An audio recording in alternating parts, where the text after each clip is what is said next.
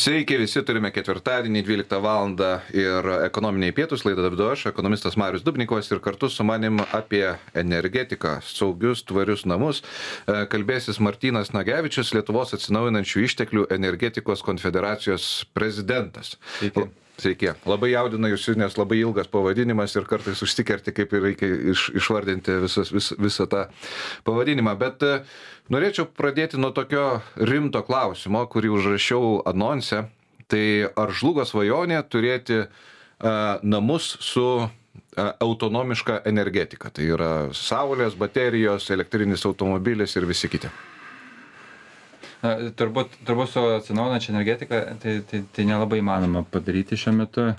Na, nebent mes taip grįžtumėm į XIX amžių ir, ir, ir, ir, ir, ir apsikūrentumėm Malkomo elektrą naudotumėm nu, tada, kada saulė šviečia. Tai, tai, tai, tai, tai, tai ne. Tai turbūt galima sakyti, kad aš nežinau, ar tokia svajonė buvo, bet jos... jos aš Na, pas dalį žmonių nematau, aš esu girdėjęs, kad mes esame, būsime visiškai autonomiškai, gyvensime savo... Te, ja, teoriškai, teoriškai tai yra įmanoma, bet tai daugiau yra, sakykime, ne, ne su žalia energetika susiję, tai pa, paprasta pasiemi dizelinį generatorių, reiškia, ir jeigu tau taip yra pigiau ir retai tą elektrą naudoji ir pigiau yra negu kad nusitiesi ten sumokėti už elektros laidą iki tavęs, tai, tai matyt ir būtų tas sprendimas, bet čia tokia labiau iš įdomybių srities išimtis negu kad šiaip tai aš net nelabai matau ir prasmės čia taip visą padaryti ten lietuvoj milijoną individualių namų visiškai vienas nuo kito nepriklausančių. Tai yra sistema tą sistemą tobulinkim kam kam po vieną daryti individualias pilis kažkokias tai energetines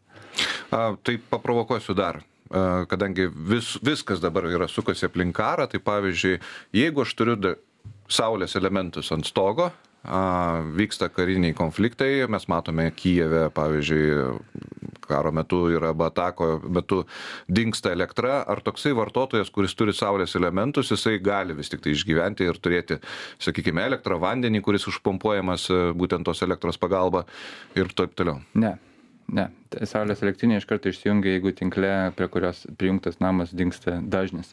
Taip jau saulės elektrinės e, yra veikiančios. Nebent nebent jeigu yra įrengtas e, kaupimo baterija ir tada iš kaupimo baterijos galima užsimaitinti ir ten esančios elektros bet tas ta kaupimo baterija bet kuriuo atveju nebus maitinama saulės elektrinės. Tai tai tai nes saulės elektrinei veikti reikalingas tinklo dažnis.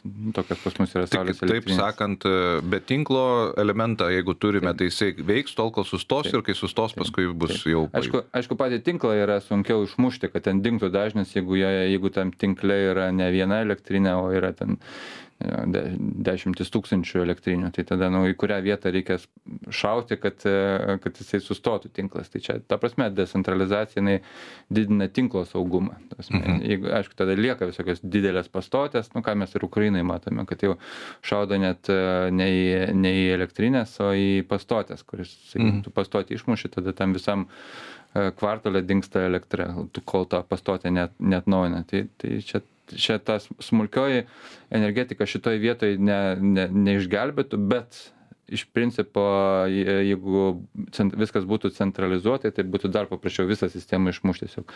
Yra kokia viena atominė elektrinė ją bumbt ir jinai sustoja ir nebėra elektros išvis tai čia vadinamas įvyktų tada tas vadinamas blekautas ane taip taip taip. Tai dėl to kad sistema yra tuo atsparesnė kuo yra daugiau mažų gamintojų Mhm. A, kaip dabar vyksta, kokie dabar tendencijos yra su, to, su tais mažaisiais gamintojais? Mes matėme didžiulį bumą, kai na, elektra buvo brangiai, dabar jinai atpigo.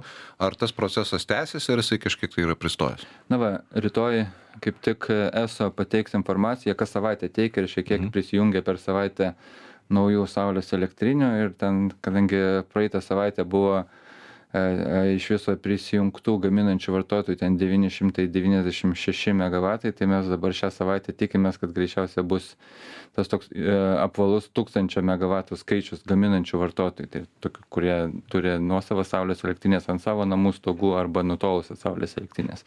Dar yra kitų saulės elektrinių, kurie ten e, kaip gamintojai, tai aš jų neskaičiuoju dabar, bet va tų gaminančių vartotojų mes jau turėsim lygiai tūkstantį e, megavatų. Kas tūkstantis megavatų yra, tai reiškia saulėta vasaros sekmadienį, kai mažesnis yra elektros suvartojimas, tai jau tai dengtų jau labai labai didelę elektros poreikio dalį visos e, šalies. Didelė, tai čia pusė Ja, vidu- vidurkis, e, vidurkis yra 1600 MW, toks e, visų 365 e, dienų Mhm. dienos nakties.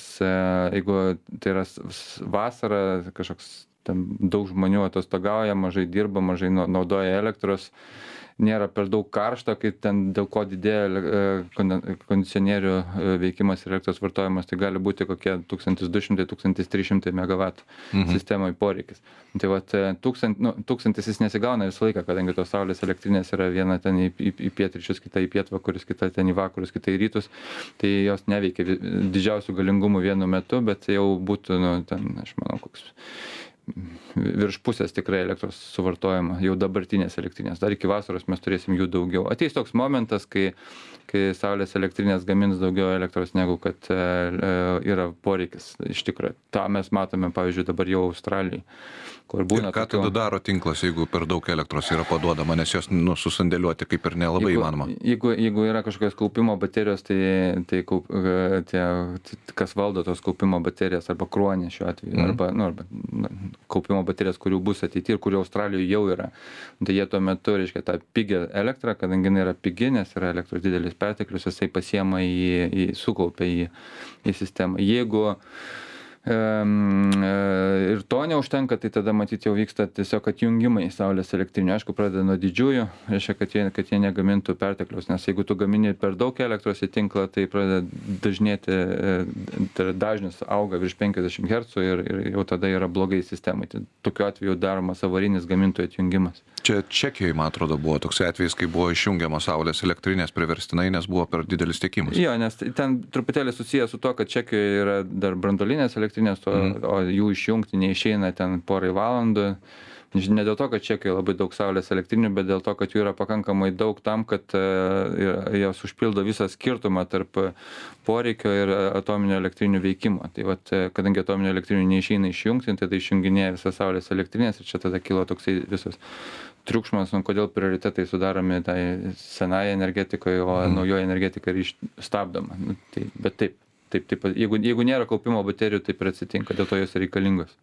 Dabar, e, jeigu kalbame, kad Saulė praktiškai gali padengti, na, vasaros metu padengti poreikį, kai, kai mažesnis vartojimas, bet mes dar turime vėją, tai ar tel, tilps, ar telpa ir ar tilps ateityje vėjas ir Saulė mūsų Lietuvoje? Ja, čia, čia, čia šiek tiek gelbėja tas e, ta at, atvirkštinė koreliacija tarp vėjo ir saulės, kadangi, nu taip jau Lietuvoje toks oras yra, kad e, kai saulė šviečia, tai dažniausiai vėjas nepučia, o kai vėjas pučia, tai dažniausiai saulė nešviečia. Tai, tai ir, ir vėjo elektrinės daugiausia gamina elektros naktį, rudenį, žiemą, pavasarį, o saulės elektrinės dieną ir vasarą. Tai, tai, tai, tai šiek tiek gelbė. Bet aišku, ateis tas momentas, e, kaip bet kokia sistema, jinai nu, turi prisisotinimo savybę. Tai, tai anksčiau ir vėliau jos bus daugiau negu mums reikia tos elektros. Ir na, natūralu, kadangi pas mus elektros energetika yra e, veikia rinkos sąlygomis, nu, tai paklausos pasiūlos, reiškia, principu. Tai kuo toliau, to turėsim tokius momentus vis dažnesnius, kad pašvietų saulė arba papūtus vėjui.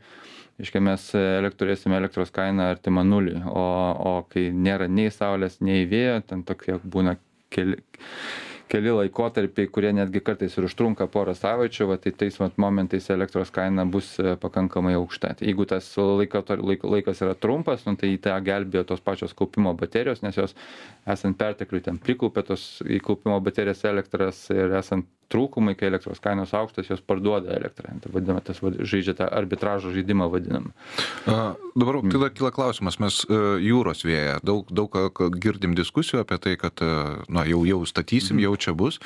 Ar jisai tada suranda savo vietą, būtent tas didelės vėjo jėgainės, kurios turbūt, jos keurą parą jūroje turbūt veikia. Na, ne, ne visai, vėlgi ten priklauso nuo vėjo. Nu, taip, Aišku, natūralu, tas, tas, tas e, jūrai, tas vito vėjo yra dažniau ir jo kartais būna tada, kada sausumoje nėra, o jūrai vis dar būna, Mhm. kartais tai pasitaiko, iš tikrųjų tai yra ten tas vat, jos privalumas lyginant su, su sausumos vėju, bet iš tikro tie pagrindinis jų skirtumas matyt ta kad jūrinė vėjo energetika yra smarkiai brangesnė nes už sausumos vėjo energetiką ir jūros vėjo elektrinės savikaina yra aukštesnė negu nu daug daugiausia kad kiek pavyzdžiui? Nu daugiausia dėl to kad pati investicija yra maždaug du du su puse karto didesnė į tą patį megavatą. O gamina elektros jinai maždaug dvidešim procentų tik daugiau. Tai nu tai ne investicija smarkiai didesnė negu kad didesnis elektros energijos kiekis iš vieno efektyvumas megavato mažesnis kitaip gaunasi kad savikaina jinai darosi didesnė tai kol kas ta prasme nes tas savikainos jos turi tokį polinkį mažėti ir ir gan greitai. O mūsų klausosi žmonės kurie viską matuoja eurais ir centais. Tai pavyzdžiui žemyninė vėjo energetika kiek kilovatas kainuoja ir kiek jūroje kainuotų pagaminti? Įren ir įrengimas kainuoja jeigu toks be be jokio finansavimo kaštų tai tai sausumos maždaug kainuoja koks tūkstantis trys šimtai eurų už kilovatą tūkstantis nu tūkstantis penki šimtai nu priklausomai ten nuo aplinkybių. O jūros maždaug du su puse du tūkstančiai aštuoni šimtai maždaug eurų už kilovatą. Tai tai va tiek daugiau. Gerai šioje vietoje turime padaryti pertrauką. E, klausytojus raginu užduoti klausimus jeigu turite aktualių klausimų kas liečia atsinaujinančią energetiką nes laida vyksta gyvai ir per žinių radijo programėlę tai galite padaryti. Dabar e, laida ekonominiai pietūs laidą vedu aš marius dubnikovas ir kartu su manim apie energetiką atsinaujinančius išteklius kalbasi martynas nagevičius lietuvos atsinaujinančių išteklių energetikos konfederacijos e, prezidentas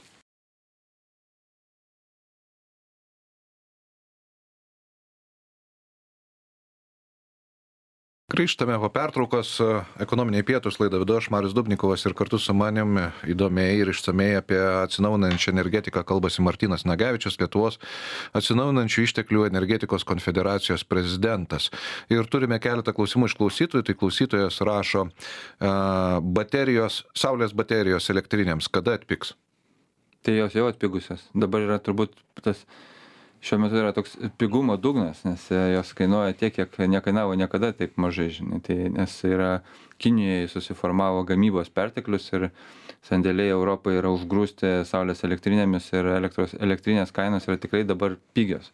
Hmm. jeigu kas nori laukti tai gal geriau nelaukit statykit dabar. Šiaip aišku technologine prasme visos technologijos tobulėja po truputėlį pinga. Nu santykinai pinga visos technologijos jos turi pigti iš esmės. jos tobul jos dėl to ir žmonės inžinieriai ir galvoja kaip jas atpiginti. Tai nuolatinis toks procesas. Ir taip bendrąja prasme tai galbūt ten de po dešim metų jos bus dar pigesnės negu bet bet va tas kai kai dėl tos vi laikinos pasiūlos paklausos ten dėl tų sandėlių užpildymo ar ištušt ištuštinimo kainų svyravimo tai dabar šiuo metu yra toks kainos dugnas. Tai tikrai siūlyčiau ne nelaukti ir atsakymas yra dabar atpigusios na gerai. A jeigu pavyzdžiui vis tiktai kritiniu momentu lieku aš turiu saulės elektrinę a turiu bateriją baterija užkrauta. Kritinis momentas saulė neduoda energijos nėra tinklo su baterija namuose įrengta kiek aš galėčiau gyvent na aš pavyzdžiui turiu namie bateriją jos yra penkiolika kilovatvalandžių talpa. Jeigu jinai sakykim pilnai pakrauta tai tai žiemos metu tai jeigu šild visam šildymui naudoti elektrą tai tikrai nedaug ten išeitų ten porą valandų tik kitaip sakant reikia malkų turėti tokiu atveju. Tai čia ne ne sprendimas bet vasaros metu pavyzdžiui kai nereikia šildytis e tai tai elektros vartoji ten per dieną nežinau ten tris keturias kilovatvalandes e tai čia tam tokiam esminiam ten nežinau siurb siurbliam visokiem e vandentiekio kas ten apšvietimui naktį tai tai na tai užtektų ir keliom dienom ir gan laisvai ta prasme vasaros metu. Tai bet čia vėl nuo akumuliatoriaus priklauso dydžio ir nuo to kaip tu vartoji elektrą elektromobiliu nepasikrausi. penkiolikos kilovatų baterija kiek jinai kainuoja dabar šiuo metu rinkoje? Maždaug aišku čia priklauso nuo gamintojo ir panašiai. ma maždaug vienas viena kilovatvalandė tokios mažos baterijos kainuoja kokius šešis septynis šimtus eurų. Mhm. Grubiai tariant tai čia tai čia maždaug apie dešim tūkstančių ne nepilni dešim tūkstančių tok tokio dydžio baterija. Jeigu jeigu didelės jos pramoninio dydžio tai ten maždaug dvigubai mažiau skaičiuojant vienai kilovatvalandei jeigu pavyzdžiui atsitraukiam šiek tiek nuo atsinaujinančių ir šalia turime generatorių mhm. tai užtenka tik generatoriaus ar ir baterija ir generatorius gali dirbt tarpusavy sujungti? Ne tai už užtenka tik generatorius nebent žinai kaip tada tokiu atveju ta baterija jinai galėtų būti naudojama taip kad reiškia nu pasak tu kartais naudoji daug elektros, bet tai būna tik tai kartais. Mhm. Na ir, sakykime, tu uh, įsijungi kažkokį tai prietaisą elektros, kuris vartoja ten kokius 4 kW ar 5 kW.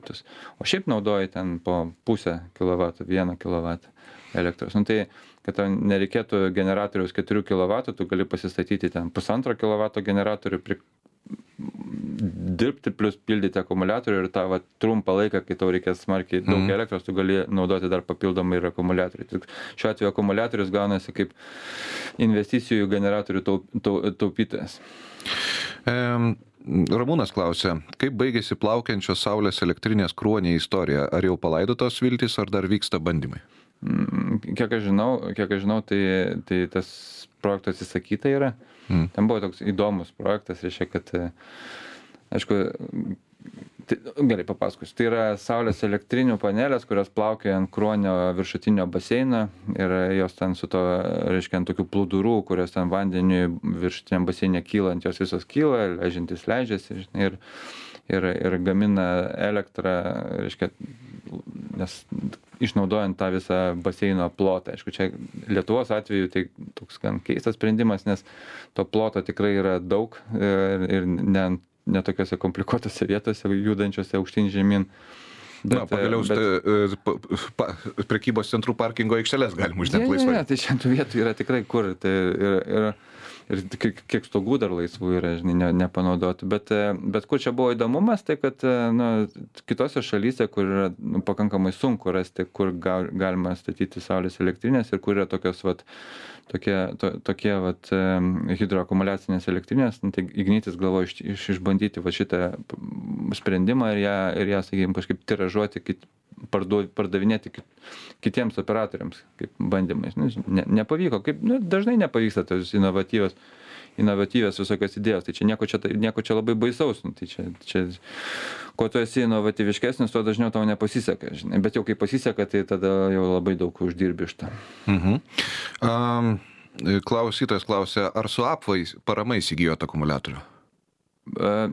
Pas mane ten yra toks demonstracinis tas akumuliatorius, aš ten tokio bandymo būdu, reiškia, kartu su rangovais, tai aš, tai aš dar blogiau, aš iš viso jį gavau praktiškai nemokamai. Tai, tai, tai, tai, O šiaip remiama? šiaip, šiaip yra rema, buvo kol kas viena, viena, vienas tas paramos šaukimas, ten buvo toks vieną milijoną eurų apva pasiūlė ir ją ten per vieną dieną iš žmonės paėmė. Iš, iškai tas paraiškas surašė vieną milijoną labai greit. Dabar vėl svarstoma didinti, yra, kiek teko šnekėti su energetikos agentūra, yra ir mažam, ir smulkiam, ir mažam, ir vidutiniam verslui yra numatomas priemonės akumuliatoriuose energetikos ministras kalba apie didelius pinigus, jau ten 150 milijonų eurų iš modernizavimo fondo, reiškia pramoninio dydžio akumuliatoriams, tai čia tų priemonių matyti akumuliatoriams pa, pa, pa, paskatinti įsigyti bus ateityje. Artėjom prie pertraukos, tai pasinaudosiu progą dar vieną klausimą užduoti iš klausytojo, matau praktinis.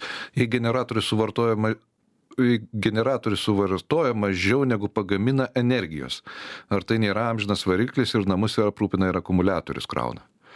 Generatorius suvartoja mažiau. Mažiau energijos negu pagamina. Na, taip nėra, aišku, ne, ne, natūralu. Ne, tai čia efektyvumas jis niekada nebūna virš 100 procentų. Taip, taip, taip. Gerai, a, turime daryti a, pertrauką, laida ekonominiai pietus, laida vidu aš, Marius Dubnikovas ir kartu su, pra, su manim apie energetiką Martinas Negevičius, Lietuvos atsinaujinančių išteklių energetikos konfederacijos prezidentas.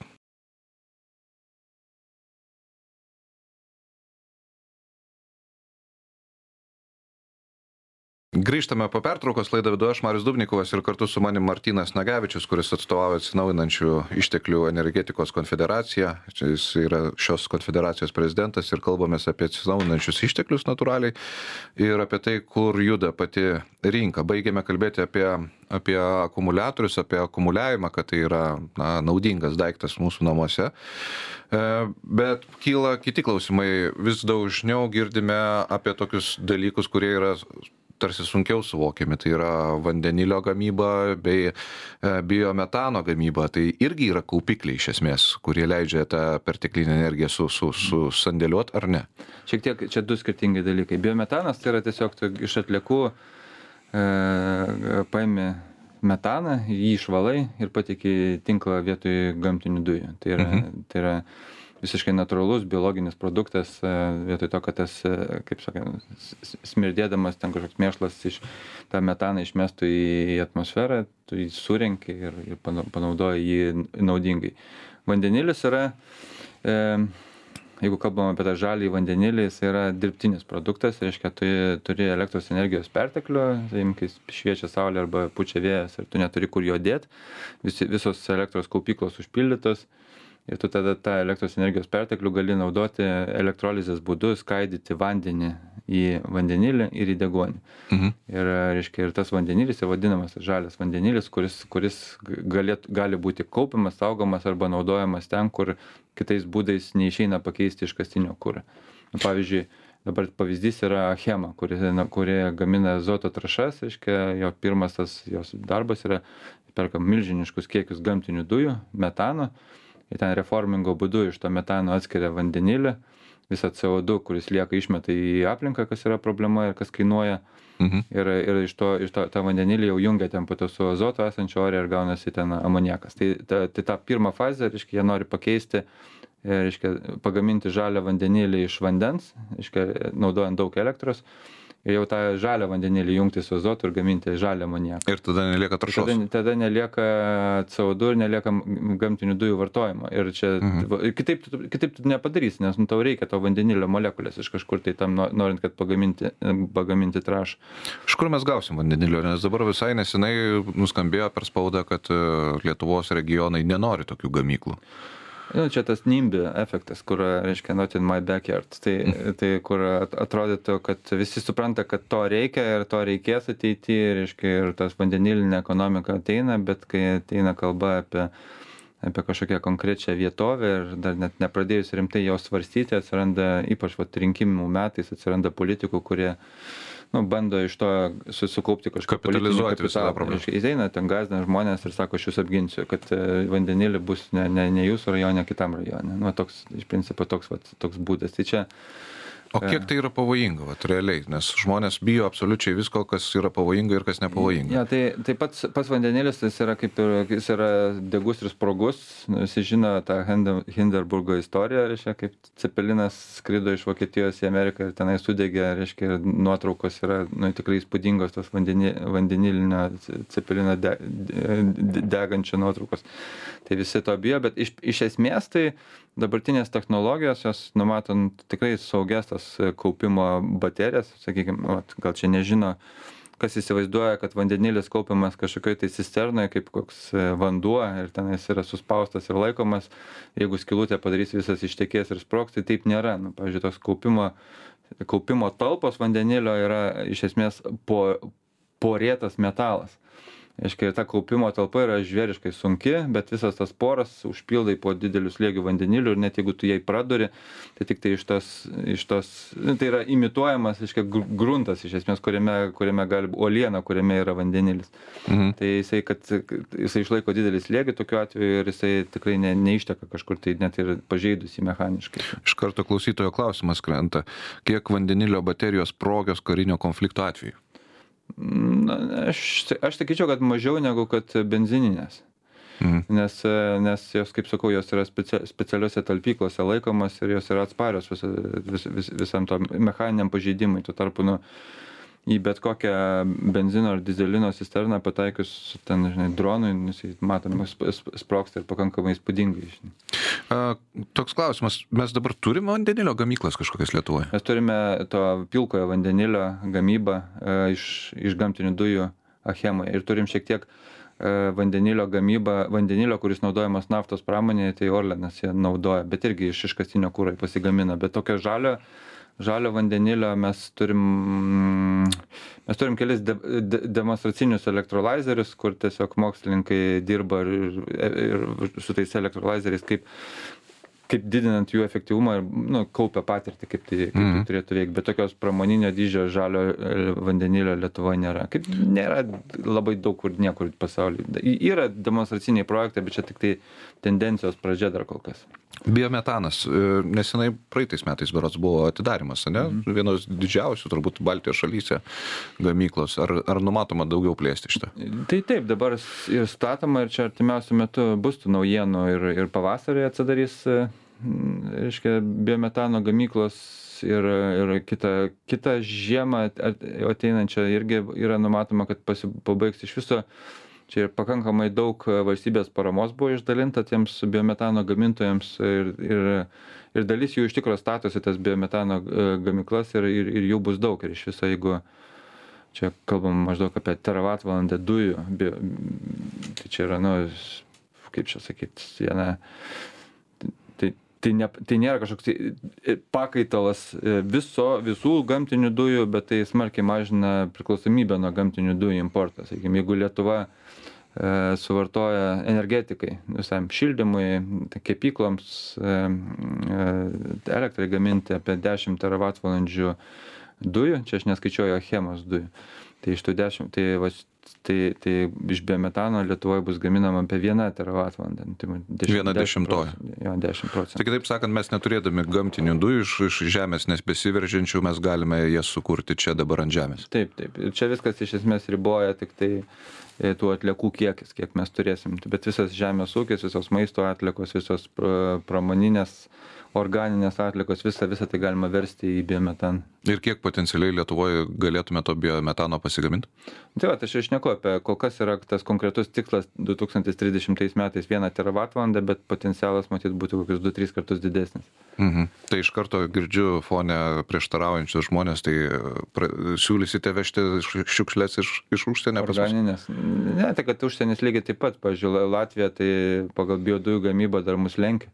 Mhm. Tai tai jau tada geriau vežti ten jiems nes pas juos daugiau yra tų biodujų gamintojų. Taip sakant, šiukšlių krizė bus. Na nu, čia, ne, čia, nu kaip šiukšlė, čia organinės, organinės atliekos. Čia, mm. čia ne, iš tų municipalinių atliekų ten daug biometano, irgi galima paimti biometaną, bet, bet jų pakankamai nedaug, nes tai nėra visai grinai organika. Bet jeigu tu surenki maisto atliekas atskirai, tai tada taip, tai tada jau, jau tai yra vertė, iš kurios gali padaryti tą biometaną. Pasinaudosiu progą, Martinai. Tavo patį turbūt skambiausią straipsnį, kurį perskaitė visa Lietuva. Dyzelis trys eurai du tūkstančiai trisdešimtais metais. Ar tai realu ar čia tiktai marketingas? Ne čia yra čia yra tokia mano prognozė kuri remiasi ne jau padarytais sprendimais europos sąjungos kur europos sąjunga yra ten priėmusi jau direktyvas kurios yra įsigaliojusios tai apyvartinių taršos leidimų ten direktyvos ten patobulinimas tai yra atsinaujinančių išteklių direktyvos atnaujinimas visa tai jau veikia visa tai turi būti perkelta į į teisės aktus šalių šalių narių tame tarpe ir ir lietuvos. Ir čia kažkokios laisvės jau čia lietuva nebeturi šitoj vietoj. Ir ir kas ten iš esmės jeigu taip labai supaprastinant ir ir apibendrinant parašyta visą tą sutrumpinant mano visą tą straipsnį tai tai kad e, dyzelino e, vartotojai finansuos e, elektromobilių ir vandenilio vartotojus trisdešimtais metais jau. Jo tai iš esmės iš esmės gaunasi taip kad e, brangsta dyzelis ir ir iš reiškia iš tų sukauptų pinigų yra naudojami tie pinigai sakykim e, skatinant e, elektromobilumą. Nu ir dalį pinigų nukreipiant į socialinėm reikmėm tam kompensuojant tą socialinį neigiamą efektą dėl brangstančių degalų. Tai kitaip sakant liko šeši metai. Šeši metai yra visiškai automobilio eksploatavimo laikas ta prasme pilnas. Tai šiandien dienai netgi pirkdamas dyzelinį automobilį jau gali programuoti save kad dyzelis kone dvigubai gali kainuoti. Ja, ten tie pirmieji metai, kada jau ten tokie labai efektas pasijaus, tai bus 2027 metai, mhm. jau kai, e, kai, kai pirmą kartą, reiškia, dizelio pardavėjai ir benzino pardavėjai turės reiškia nusipirkti iš valstybės tiek taršos leidimų co du taršos leidimų mm. kiek jos parduodamas dyzelinas išmeta co du ir čia jau atsiranda tas pirmasis toks priedas prie akcizo ir pakankamai didelis jeigu čia mes dabar lietuvoj mes čia taip pykomės dėl tų pakankamai mažų dyzelino padidėjimų dėl tos co2 dedamosios kainos mhm. padidėjimo tai dabar mes čia šnekam apie maždaug kokius keturis kartus didesnį padidėjimą nuo dvidešim septintų metų tai tai sakykim e, jeigu dabar žmogus turi kažkokį dyzelinį automobilį ar ar benzininį tai kažką labai čia keisti nereikia bet jeigu nori žmogus įsigyti e, naują automobilį nu tai tą įvertinimą kad dyzelinas jisai turi tiktai brangimo tendencijas objektyviai ta prasme visiškai. Čia net ne prognozė čia yra galima prognozuot kiek ar trys eurai ar trys dvidešim ar du aštuoniasdešim bet bet bet kad kad brangs tai čia nu garantuotai. Tai tai perkant automobilį tai reikėtų įvertinti. Nebūtinai galbūt pirkti elektromobilį jeigu žmogui nepatogu bet bent jau nu kažkokį pasižiūrėti jo efektyvumą galbūt hibridą galbūt ten mažesnį automobilį galbūt ten šie pakeitimai lies ir be benzininius automobilius taip pat. Jo tai viskas kas e, susiję su iškastiniu kuru brangs. Tai čia mhm. benzinas dyzelis tiesiog dyzelis gal populiaresnis lietuvoj dėl to buvo panaudotas dyzelio tai čia siejasi tada su jūsų programa kur rinkote pritariančius balsus programai kad sumažinkime naftos vartojimą iki keturiasdešim pir keturiasdešim vieno procento du tūkstančiai trisdešimtais? Jo mes čia dabar turim tokią pilietinę iniciatyvą kur jau ten virš virš šimto penkiasdešimt įmonių reiškia prisijungė prie tokio raginimo vyriausybės imtis konkrečių veiksmų mažinančių naftos degalų vartojimą lietuvoj o seimą e, raginančių priimti konkrečius tikslus reiškia tuo keturiasdešim vienu procentu sumažinti naftos degalų vartojimą ir tokiu pačiu būdu įvykdyti tuos e, europinius reikalavimus. Ir čia yra ka kur čia yra nauda tai nauda yra tai kad tai darant proaktyviai reiškia galima iš to netgi išlošti ta prasme nemokėti kažkokias tai už co du kvotas į kažkokią mhm. europos komisiją nu kai jau jie ten įves tą dvidešim septintais metais o dabar konkrečiai paimti ir daryti priemones kurios kurios paskatintų tą sakykim degalų vartojimo mažinimą ten skatinant pavyzdžiui viešąjį transportą ten jį da darant patogesniu jį ten plečiant jo tinklą kad kad žmonės mažiau naudotų savo automobilių ar ar ten tą patį skatinant e, e, elektromobilių e, vartojimą darant jį patogesniu pasikrauti ten su sudaryti galimybę jo krovimo infrastruktūrai įrengti kiek mm. galima dažniau nu tai visa tai visa tai turėtume mes daryti dabar o ne laukti kol ateis tie trys eurai už dyzelį ir po to piktintis. Tai geriau dabar proaktyviai visa tai patiems e, pat patiems e, žengti pirmuosius žingsnius ir ir nepriklausyti nuo to dyzelio kainos ir ir skaityti tiktai apie tą dyzelio kainą taip kaip aš skaitau kuris kur važinėju elektromobiliu nu tai man nėra labai svarbu ar jisai pabrangsta ar jisai atpinga.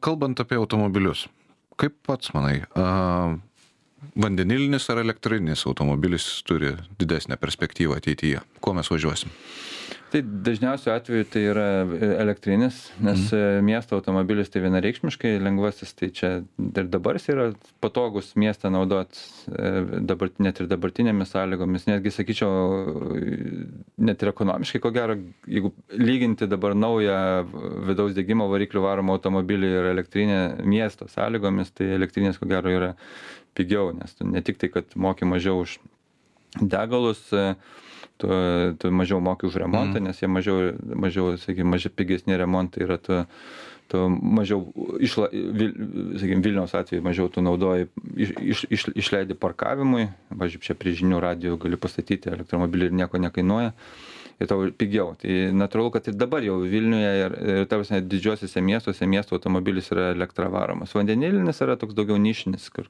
kalbam apie arba vandenilinis arba tų sintetinių degalų gamyba iš vandenilio tų sintetinių degalų naudojantis tai yra daugiau kur tau reikia tolimajam transportui mhm. pakeisti e, aviacijai laivams kur nu tu jau yra projektų jo akumuliatorių tu tiek neprikrausi žinai tai tai mhm. tai natūralu kad ten vandenilis bus naudojamas va tiems toms kur kur elektra neįmanoma pakeisti. O šiaip sakykim vėl tas pareto dėsnis aštuoniasdešim dvidešim procentų tai aštuoniasdešim procentų atvejų elektra vis dėlto bus tas tas tas sprendimas geriausias optimaliausias transporte. Ir klausimas galbūt klystu nežinau norėjau paklausti. Tai nėra turbūt labai efektyvu iš elektros gaminti vandenilį ir paskui iš vandenilio su vandeniliu varyti automobilį.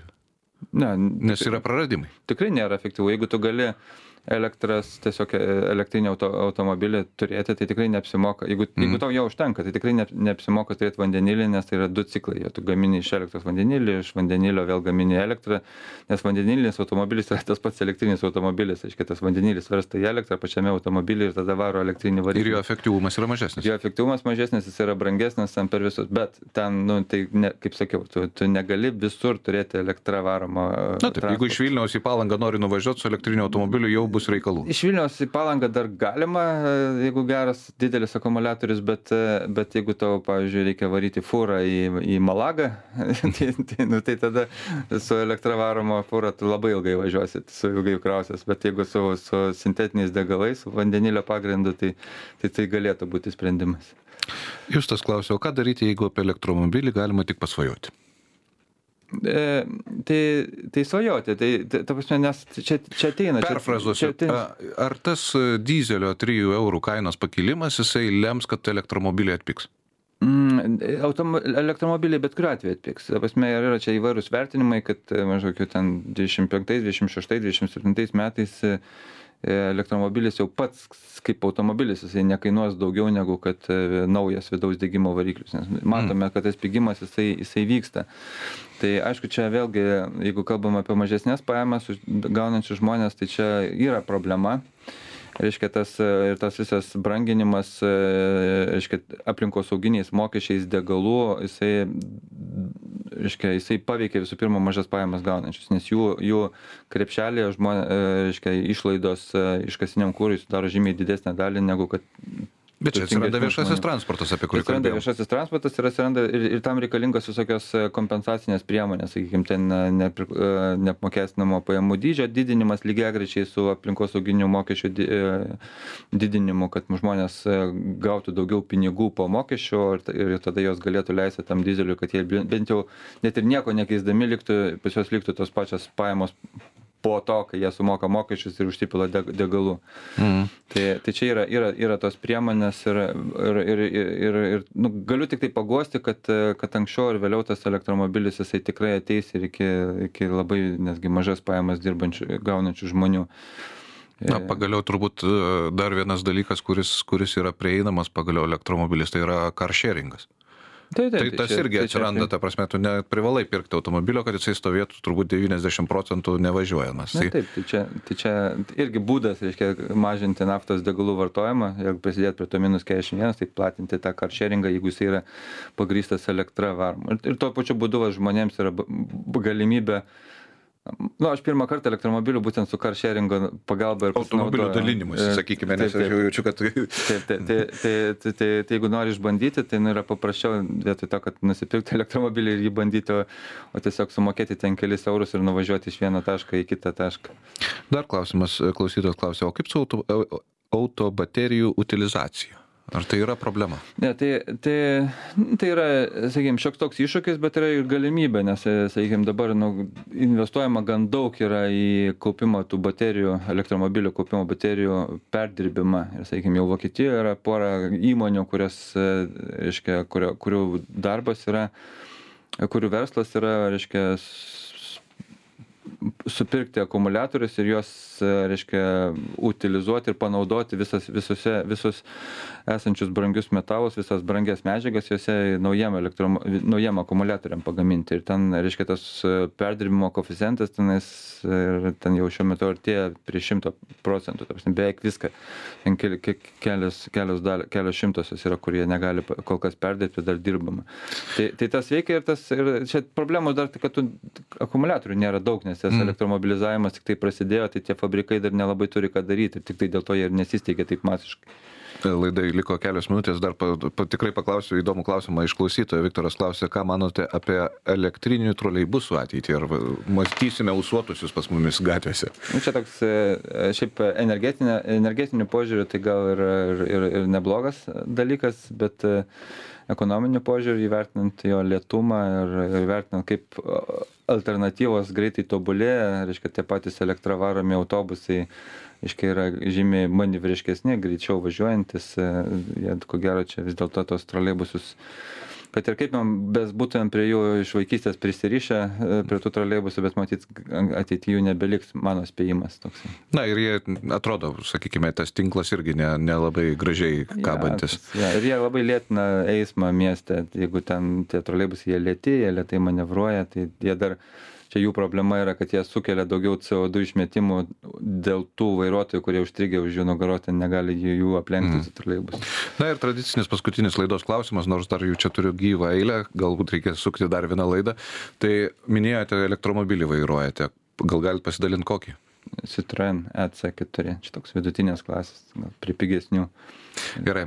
Ačiū Jums. E, laida ekonominiai pietus, laida vedžiau aš, Marius Dubnikovas ir kartu su manima laidoje dalyvavo ir įdomiai apie energetiką kalbėjo Martinas Nagevičius, Lietuvos atsinaujinančių išteklių energetikos konfederacijos prezidentas. Ačiū Martinai.